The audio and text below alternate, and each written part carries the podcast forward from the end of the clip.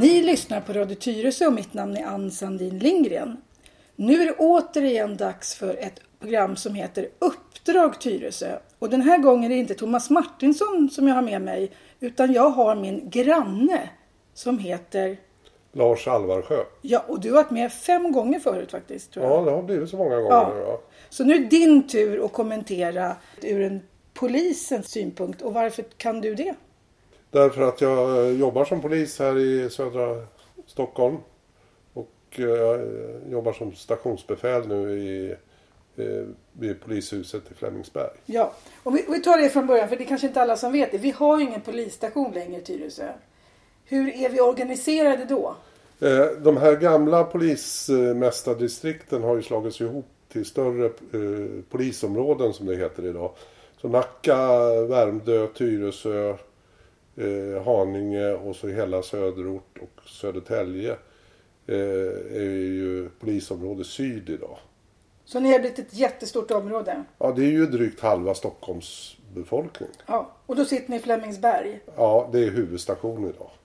Och det, där finns arrest. Där finns arrest. Eh, vi har även arrestlokaler fortfarande i eh, Västberga polishus och Södertälje polishus. Har ni byggt ut där då så att det blivit större i och med att det, ni ansvarar för så mycket mer? Nej, utan man planerar att bygga ut eh, med ytterligare en byggnad. eh, Men då ser vi framåt 2020 ungefär. Eh, och alla vet ju hur polisens ekonomi ser ut så att det kan väl dröja ytterligare ett antal år innan det finns pengar till det där. Och vad är din roll? Jag är stationsbefäl och det innebär att jag är arbetsledare för alla eh, polispatruller eh, som är ute och jobbar. Eh, när de kommer in och avrapporterar så granskar vi avrapporteringen. Vi är förundersökningsledare i alla eh, förundersökningsledare som är, eh, eller ärenden som är polisledda. Så det kan ju vara allt från mordutredningar till, ner till snatterier i stort. Så du vet egentligen vad som händer i hela område syd kan man säga? Ja, Ja. Och vi följer ju med på dataskärmarna hela tiden alla ärenden som kommer in. Så att Även om, om personalen leds inifrån Kungsholmen och eh, regionledningscentralen där inne så, så har vi möjlighet att lägga in eh, jobb direkt i våra datorer. Du jobbar inte 8 till 5 vardagar inte? Nej, utan jag, det är ju dygnet runt tjänst. Så att det, det är ju tre skift som gäller. Så ni är tre stycken stationsbefäl då som går på... Ja, är ni fler eller? Ja, vi är ju flera. Vi sitter ju två stycken i Flemingsberg. Varav den ena har huvudansvaret för hela södra länsdelen. Sen sitter det ett stationsbefäl i Västberga och ett stationsbefäl i Södertälje fortfarande. Men tanken är ju att allting ska samlas i Flemingsberg så småningom. Men de polispatruller som åker ut när man ringer 112 i Tyresö, de kommer inte från Flemingsberg? Nej, de kommer ju från, de är ju lokaliserade till Nacka strand. Så dit kom de poliser som fanns här förut? Ja. Så var ett 20-tal här i Tyresö? Ja, Och nu sitter de, de utgår från Nacka strand? ja. Och det är tre kommuner som man har där. Ja. Vad kallas det då? Det är ju lokalpolisområde Nacka. Med de Det- gamla kommunerna då, Tyresö, Värmdö och Nacka. Precis. Ja. Nu har vi rätt ut det.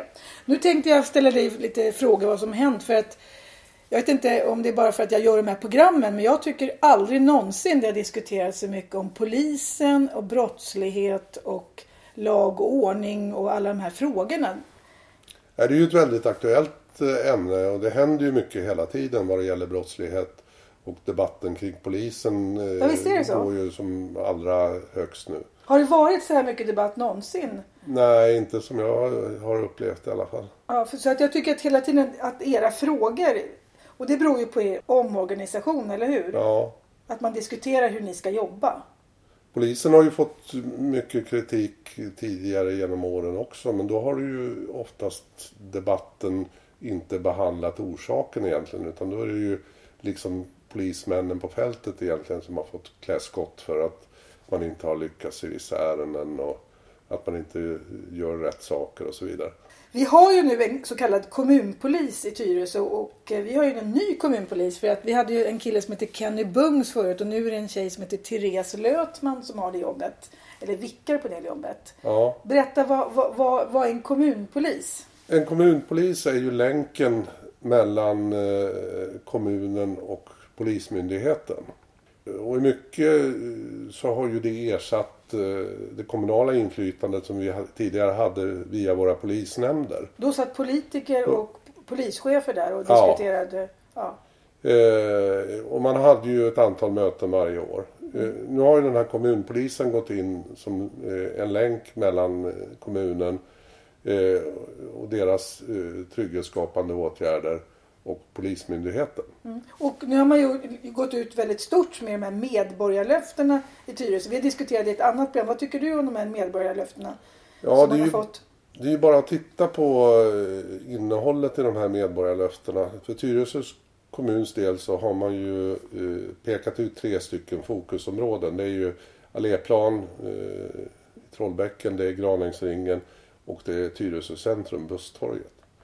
Eh, som man har identifierat som, som där det, det kan förekomma problem. Det känns väl inte som, som någon stor nyhet för oss som bor här va? Nej, eh, så har det väl sett ut genom alla år. Ja. Det kanske man inte behöver göra en stor enkät för att förstå. Nej, och de här medborgarlöftena innebär ju att polisen förbinder sig att vid fyra tillfällen under 2017 eh, verka för att minska buskörning, ordningsproblem på de här platserna. Ja, hur, hur tycker du att de åtgärderna... Ja, jag måste väl erkänna att jag tycker att det är lite tunt. Ja, Fyra tillfällen på ett helt år, det är inte, det är inte mycket. nej. Så det känns, det känns ju lite grann som en byråkratisk produkt. Ja, eh, och lite grann för att det måste presenteras någonting. Ja. Då, då blev det så här. Vilka är det som poliser som ska liksom göra det här jobbet? För att nu är det väl så att de poliser som man har som utgår från Nacka, de åker på det som är viktigast. Ja, alltså det är ju ingripande verksamheten som tar nästan 100% av tiden. Ja. Eh, vi har ett par tjänster som, som an, jobbar brottsförebyggande. Men jag tror att de är två eller tre i hela Nacka Mm. i, i dagsläget. Och det är där man måste göra om man ska Ja, in det jobbet. ja. Det har ju varit väldigt mycket diskussion nu det här med fler poliser. Och det som är väldigt oroande är ju att man fyller ju inte ens polisutbildningarna. Vad beror det på? För poliser har ju alltid varit ett drömyrke för många. Och förut var det betalt dessutom när man gick polisutbildning. Ja, när jag gick i polisskolan så då hade man ju lön under utbildningstiden. Mm. Sen övergick man ju till att det skulle vara mer högskoleinriktad utbildning. Och då är det ju studiemedel som gäller och studielån. Det här är ju en ny företeelse. Vi har aldrig sett tidigare att det har varit problem att rekrytera eh, sökande till polisyrket. Nej, för man till och med pratar om att man ska minska kraven för att få in fullt på polisskolorna. Ja. Hur kommer det sig? Ja, alltså man, nu är man ju desperat för nu är det så många eh, poliser som slutar yrket. Vi hade ju, jag tror vi nämnde det i tidigare program, att uppåt 900 som har lämnat yrket av andra skäl än pension. Men varför vill inte ungdomar idag eller människor utbilda sig till poliser i och med att det var så poppis? Nej, nu har ju den här, den här debatten som har varit och, och eh, löneläget och arbetsförhållanden inom polisen eh, lyfts upp. Så att eh, nu vill man ju inte söka ett yrke som man märker att man, man inte har någon direkt löneutveckling. Och sen måste man ju jobba. Det är ju skiftestjänst som gäller åtminstone de första åren. Och i dagsläget är... Men det har det väl alltid varit? Det har väl alltid Ja, varit ja tufft? visst. visst. Det är väl inte, väl, man har väl alltid suttit i radiobil och haft olika Ja, ja. arbetstider? Och, Och när jag började så var det ju liksom ja, 10-15 år i radiobil innan du kunde söka någon annan tjänst inom polisen. Mm. Men idag försvinner ju våra polisassistenter försvinner ju efter bara ett, ett eller ett par år. ja, så man, Söker, söker de sig vidare. Men, men när du gick ut, hur länge sedan var det du blev polis? Jag blev polis 88. Mm. Så det är ju snart 30 år sedan. Just det. Och då var polisyrket det var nå- någorlunda välbetalt eller det var helt okej lön som man fick då eller? Ja, alltså för att få en betald utbildning och sen direkt eh, få anställning så, så var det ju helt okej på den Det var det? tiden. Ja. Ja. ja. Och nu, vad, vad hamnar en ny examinerad polis på? Ja, jag tror att det ligger runt 25 000 tror jag vi är uppe i nu. Det var 23 800 som lägst eh, Mm. när vi började den här programserien. Nu tror jag att man ligger på 25 000 eller något sånt. Och det är ingen hög lön om man nu har pluggat i... Nej, när du har studerat tre år eh, till polis och kommer ut och börjar jobba. Då har du ju en väldigt låg ingångslön. Och du har även eh, studieskulder som ska betalas.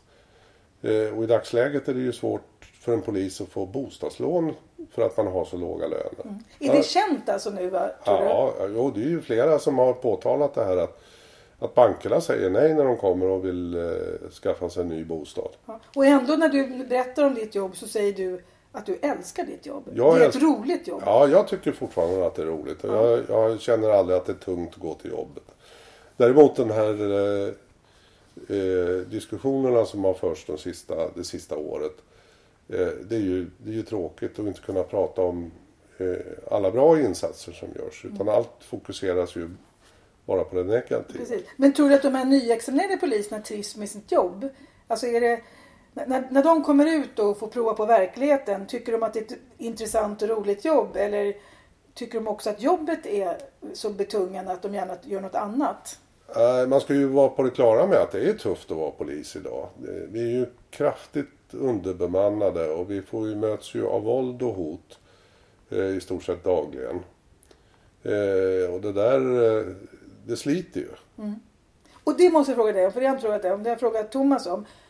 Om du umgås hela tiden med människor som, alltså buset, eller folk som verkligen, ja, man kan inte säga att folk är onda, men alltså du möter den delen av befolkningen som är värst.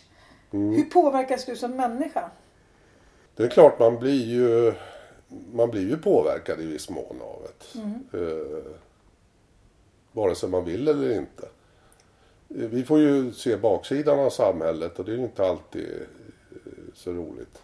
Men, men kan, alltså, mm, alltså när man, blir man inte cynisk eller deprimerad eller ledsen eller arg eller aggressiv själv när man möts av sån här aggressivitet? Ja, det där är ju naturligtvis individuellt.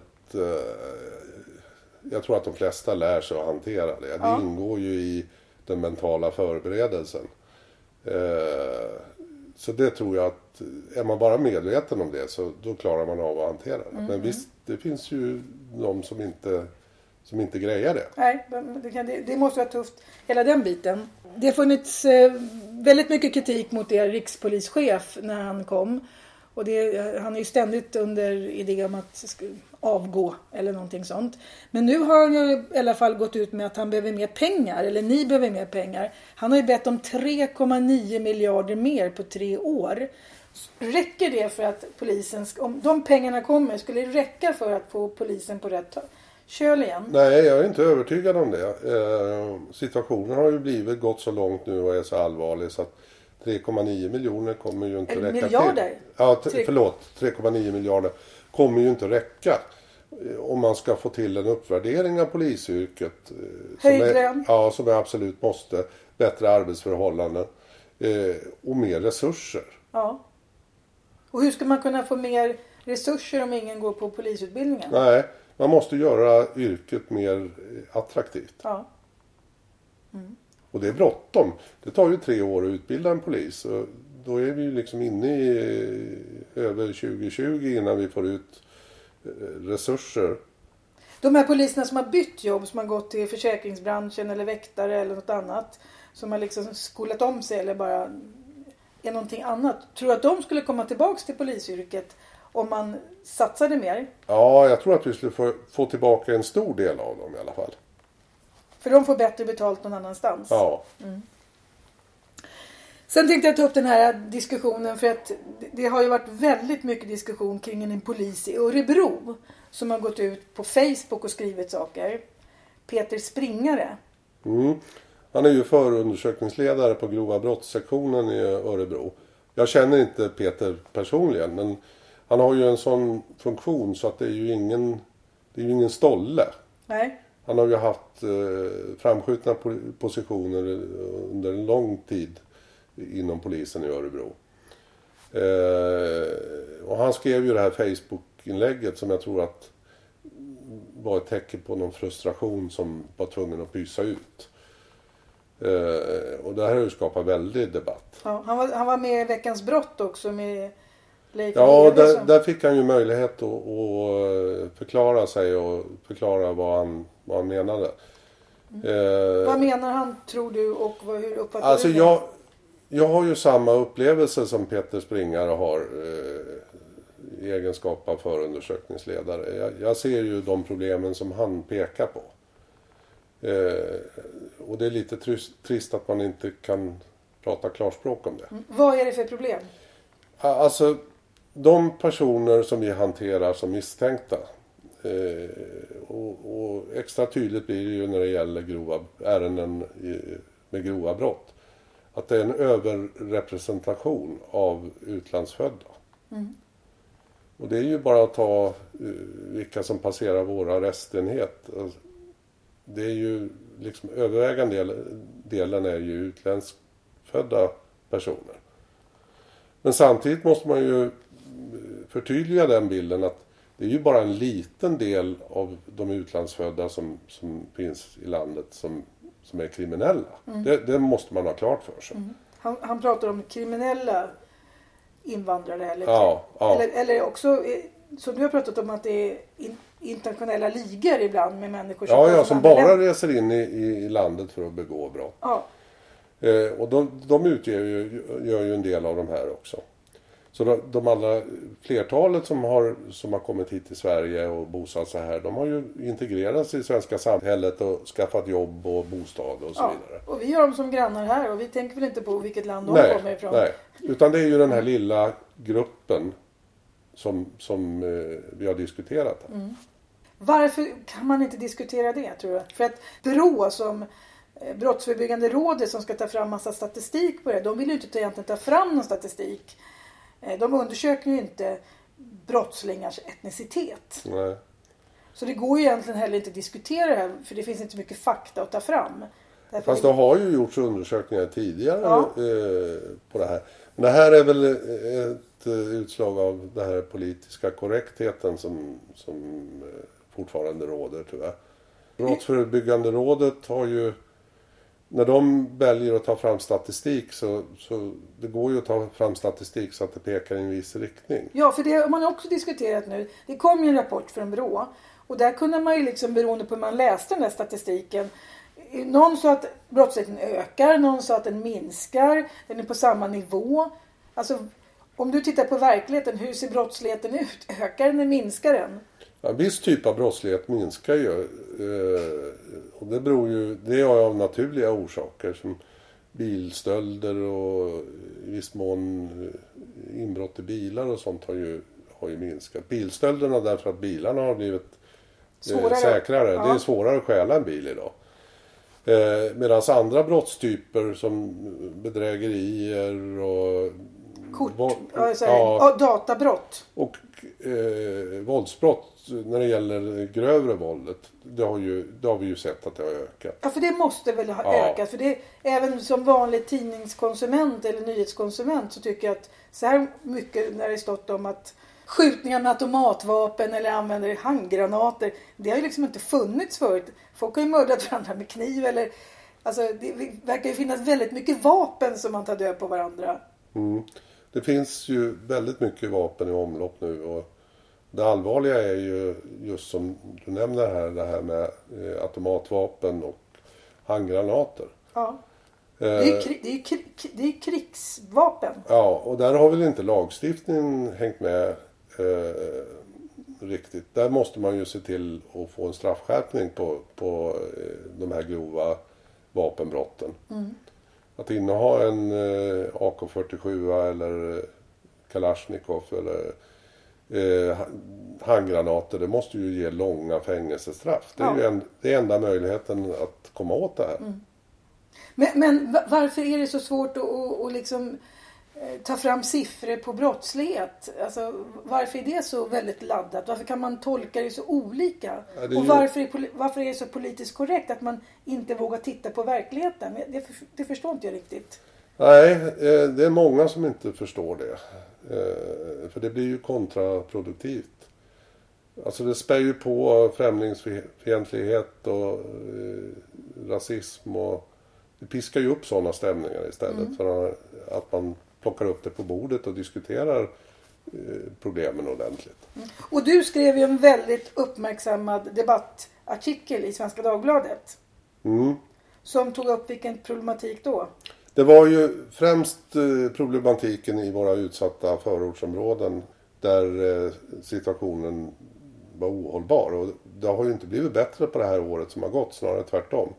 Alltså högarna med, med grova våldsbrott, det bara växer ju.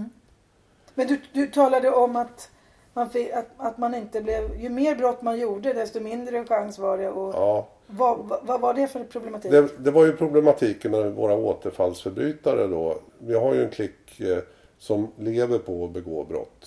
Eh, och som liksom får... Eh, de flesta brott de blir ertappade med får de liksom i straffrabatt på. Just du, du pratar om straffrabatt. Ja. Vad menas med straffrabatt tycker du? Ja, när det drar ihop sig till rättegång för en sån här kille eller tjej så, så har de ofta samlat på sig 10-15-tal ärenden och då har säkert åklagaren lämnat åtalsunderlåtelse på ytterligare 10 när man väl kommer till rättegång.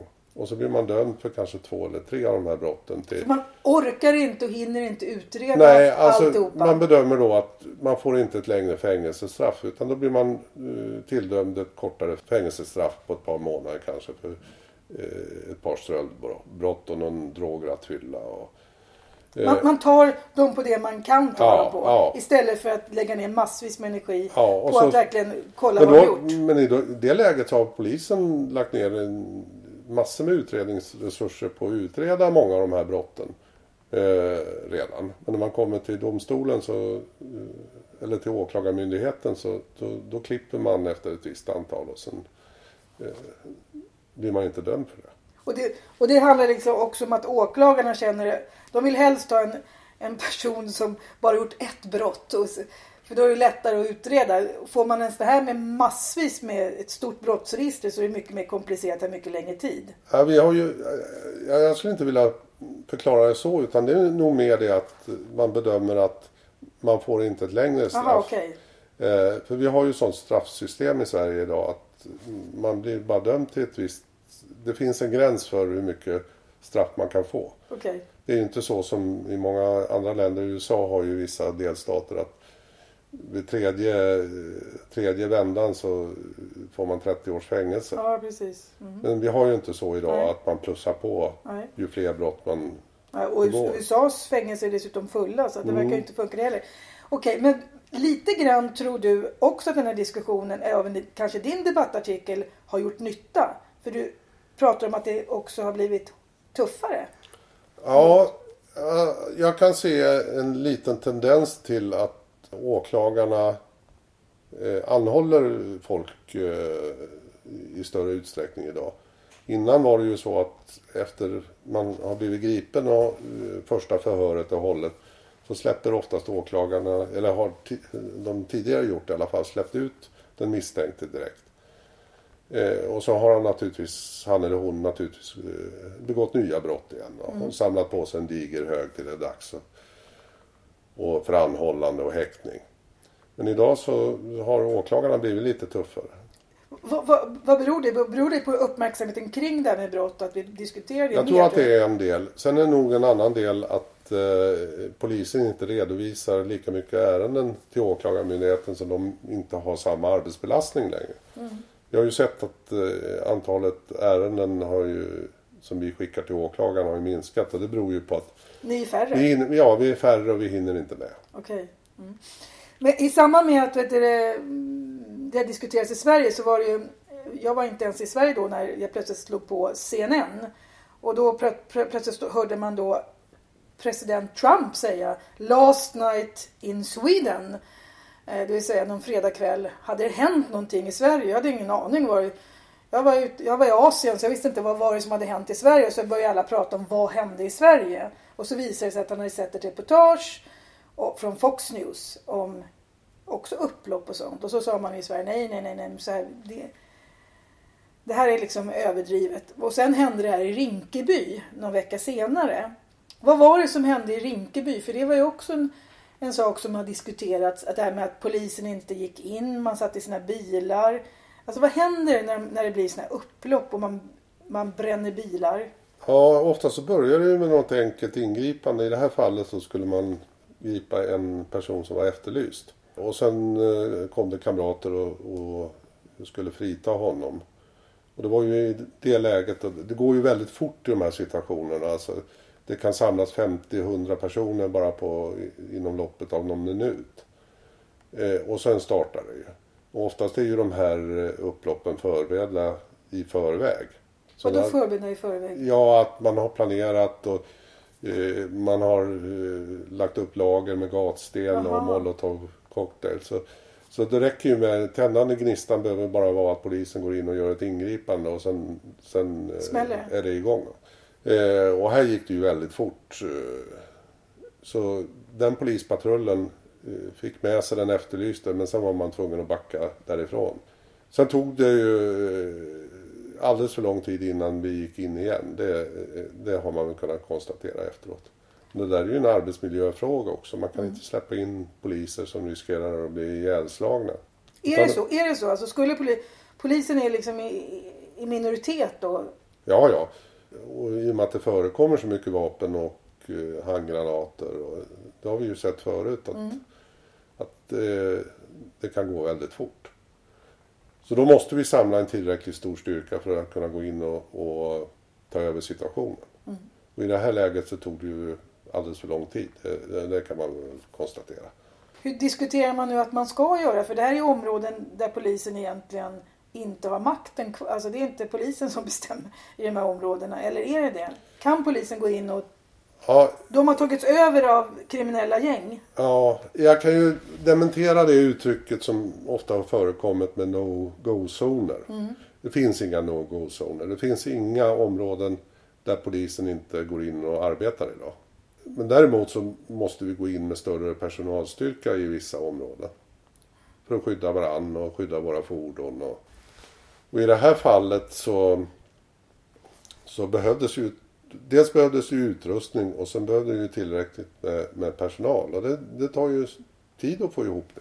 Ja, och speciellt om det är ont om personal som är... Ja, Ni, ni det är ser- ju inte så att de vanliga akuta jobben försvinner. försvinner under den tiden. Utan Nej. det måste ju finnas folk som åker på akuta larm. Men men det här måste vara väldigt frustrerande va? Med, med att det är så här. Ja, visst är det det. Och det är ingen som känner sig nöjd efter en sån här insats. När man inte har frihetsberövat någon. Eh, Man har ett helt centrum som är sönderslaget. Butiker är plundrade. Bilar är uppbrända. Och det här sker ju tämligen ofta. Vi, hade ju, vi har ju sådana här upploppssituationer och varannan vecka. I, olika delar av Sverige. Ja, Ja, ja. Och det, framförallt drabbar det de som bor där. De skötsamma människorna som bor där. Ja, det är ja. deras bilar som bränns Visst, upp. visst. Och affärsinnehavare som får sina butiker plundrade. Och det, är, det är ju en otroligt allvarlig situation egentligen. Vad tror du Lasse? Att kommer det här bli en valfråga? Alltså det verkar som många partier nu försöker liksom att visa att det är lag och ordning som gäller. Är det här, tror du att det här kommer, för det verkar som att den kommer högre, hö- högre upp på, på väljarnas agenda. Ja, och det förstår man ju på allmänheten också när man har kontakt med, med, med folk. att eh, De är ju oroade idag. Dels av den medierapportering som, som faktiskt har, har blivit eh, mer... Alltså de redovisar mer vad som händer. Ja, det gör ju inte att man blir lugn när, Nej. när man varje morgon läser om, om kriminella som tar ihjäl varandra och som misstag skjuter någon annan och så vidare. Nej. Eh, och trots att vi har haft den här situationen under ett tag nu så, så, så har vi ju sett det har ju inte hänt någonting. Alltså vi har inte sett några initiativ till att vi ska liksom komma till rätta med det här. Vi har förstärkt de här eh, särskilt utsatta områdena med polisen Men även där är det ju svårt att få rekrytera poliser och jobba i de här områdena. Det är, det är alltså väldigt tufft. Om du var Ygeman eller, alltså, eller ja, politiker som hade möjlighet att ta beslut. Vilka beslut skulle du ta? Alltså, eller vilka beslut skulle du be våra, vår inrikesminister att ta för att det här ska gå åt rätt håll? Ja, det finns ju ett prioriterat beslut som man måste ta.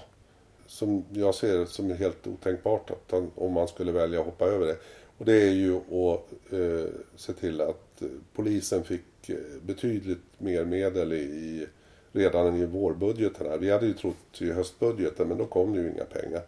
Då utlovades det 700 miljoner till polisen och de skulle komma först efter valet 2018. Så de pengarna har vi ju inte sett än. Eh, och det är ju de här 3,9 miljarderna eh, och gärna lite till så att vi, så att vi klarar av och dels uppvärdera polisyrket, dels komma till rätta med de här problemen. Men, men vad, vad, kan, vad kan pengarna göra? Det kan höja då, se till att inte fler poliser slutar. Ja. Men hur ska ni bli fler poliser och hur ska ni kunna jobba? Vi, vi kan locka tillbaka de som har valt att lämna polisyrket. Vi kan se till att fler söker polisutbildningen, att det blir attraktivt igen. Vi kan se till att vi har eh, ordentlig utrustning. Vad, då, måste... vad, ordentlig utrustning? Ja, alltså ordentligt skyddade fordon. Man får se över beväpningen på dagens poliser. Det är inte mycket att komma med en eh, Sig Sauer mot en eh, AK47 idag. Vad är en Sig Vad sa du Det är vårat tjänstevapen. Och sen måste man ju se till att stärka upp lagstiftningen. Där har man gjort försök med att höja maxstraffen. Och det har ju visat sig att det har, det har ju inte gett några resultat. Så att nu gör man ju försök i vissa av de här brotten att höja minimistraffet istället. Mm. För att få upp straffskalorna. Mm. Så det är väl det, det som är akut att ta tag i. Men nu skriker ju alla på pengar. Försvaret vill ha 10 miljarder mm. extra. Mm. och plötsligt så är det jättelätt att få fram 10 miljarder. Ja. Verkar, där är alla överens. Polisen vill ha mer pengar, sjukvården vill ha mer, skolan mm. vill ha mer. Mm. Så att eh, det finns ju en del hål att, att fylla. fylla. Mm. Ja, det, det verkar inte... Jag tror, jag tror inte man kommer slåss om man blir polischef eller inrikesminister. Det verkar ganska tuffa utmaningar just nu. Ja, och vi märker ju nu, nu går ju piskan varm. Nu har ju kravet kommit på oss att vi ska redovisa flera ärenden till åklagare. Vi ska förbättra utredningsresultatet. Samtidigt som vi får minskad budget 2017 mot jämfört med 2016. Så att många polisområden har ju fått besparingskrav på sig. Så, det låter ju helt absurt. Ja, och, och, och, som det ser ut nu är ju organisationen så slimmad som den bara kan mm. vara. Eh, och då spara x antal miljoner kronor eh, på minskad övertid och minskade inköp och även kanske i lö, lönemedel. Det ser jag ju som... Den ekvationen går ju inte ihop. Mm. Men du, sen har det alltid funnits en sån här idé, som jag i alla fall har hört, att man, man, man, skriker på mer polis så får man mer poliser så hjälper inte det. Så mer pengar så hjälper inte det. Och så har man ju pratat om att det är så ineffektivt inom polisen. Det har man ju pratat om att liksom, polisen jobbar inte på något bra sätt. Det var därför man började med omorganisationen. Mm. Är man på väg nu att jobba på ett bättre, effektivare sätt tycker du? Det tycker jag nog. Eh, jag har väl aldrig tyckt att vi har i alla avseenden varit ineffektiva. Utan det är väl mer, eh, mer de mål man har satt upp. Att vi har jobbat mot fel saker. Man fokuserar på fel grejer kanske. Det är väl mer det. Men det är ju, det är ju mer en styrning uppifrån. Håller det, på, håller det på att bli en bättre styrning? Ja, nu springer ju alla så fort vi kan och, och eh, det görs ju en mängd bra polisjobb ute. Det ska vi ju fortfarande vara på det klara med. Men alldeles för lite i, med tanke på det inflödet vi har. Så det, det, är därför det är lite synd att vi sitter här och pratar om sånt som inte fungerar mm. istället för att man kan prata om sånt som fungerar bra. Mm. Då tycker jag att i nästa program vi gör, då ska vi bara prata om allt som fungerar bra. Och ni, för, ni, för er som vill så fanns ett annat program här på Tyresöradion som heter Blåljus Tyresö som egentligen berättar om hur det fungerar. Där mm. Jerker Pettersson som är en annan programmakare åker med polisen och tittar på vad man gör. Så att det finns ju den delen också. Mm. Det här programmet är mer ett samhällskritiskt program där vi talar om det som måste göras för att det ska få oss att fungera. Och det behövs ju det med. Ja. Jättemycket tack så hemskt mycket Lars Alvarsjö. Tack för att jag fick komma. jättetrevligt. Och ni har alltså lyssnat på Uppdrag Tyresö på Radio Tyresö och mitt namn är Ann Sandin Lindgren.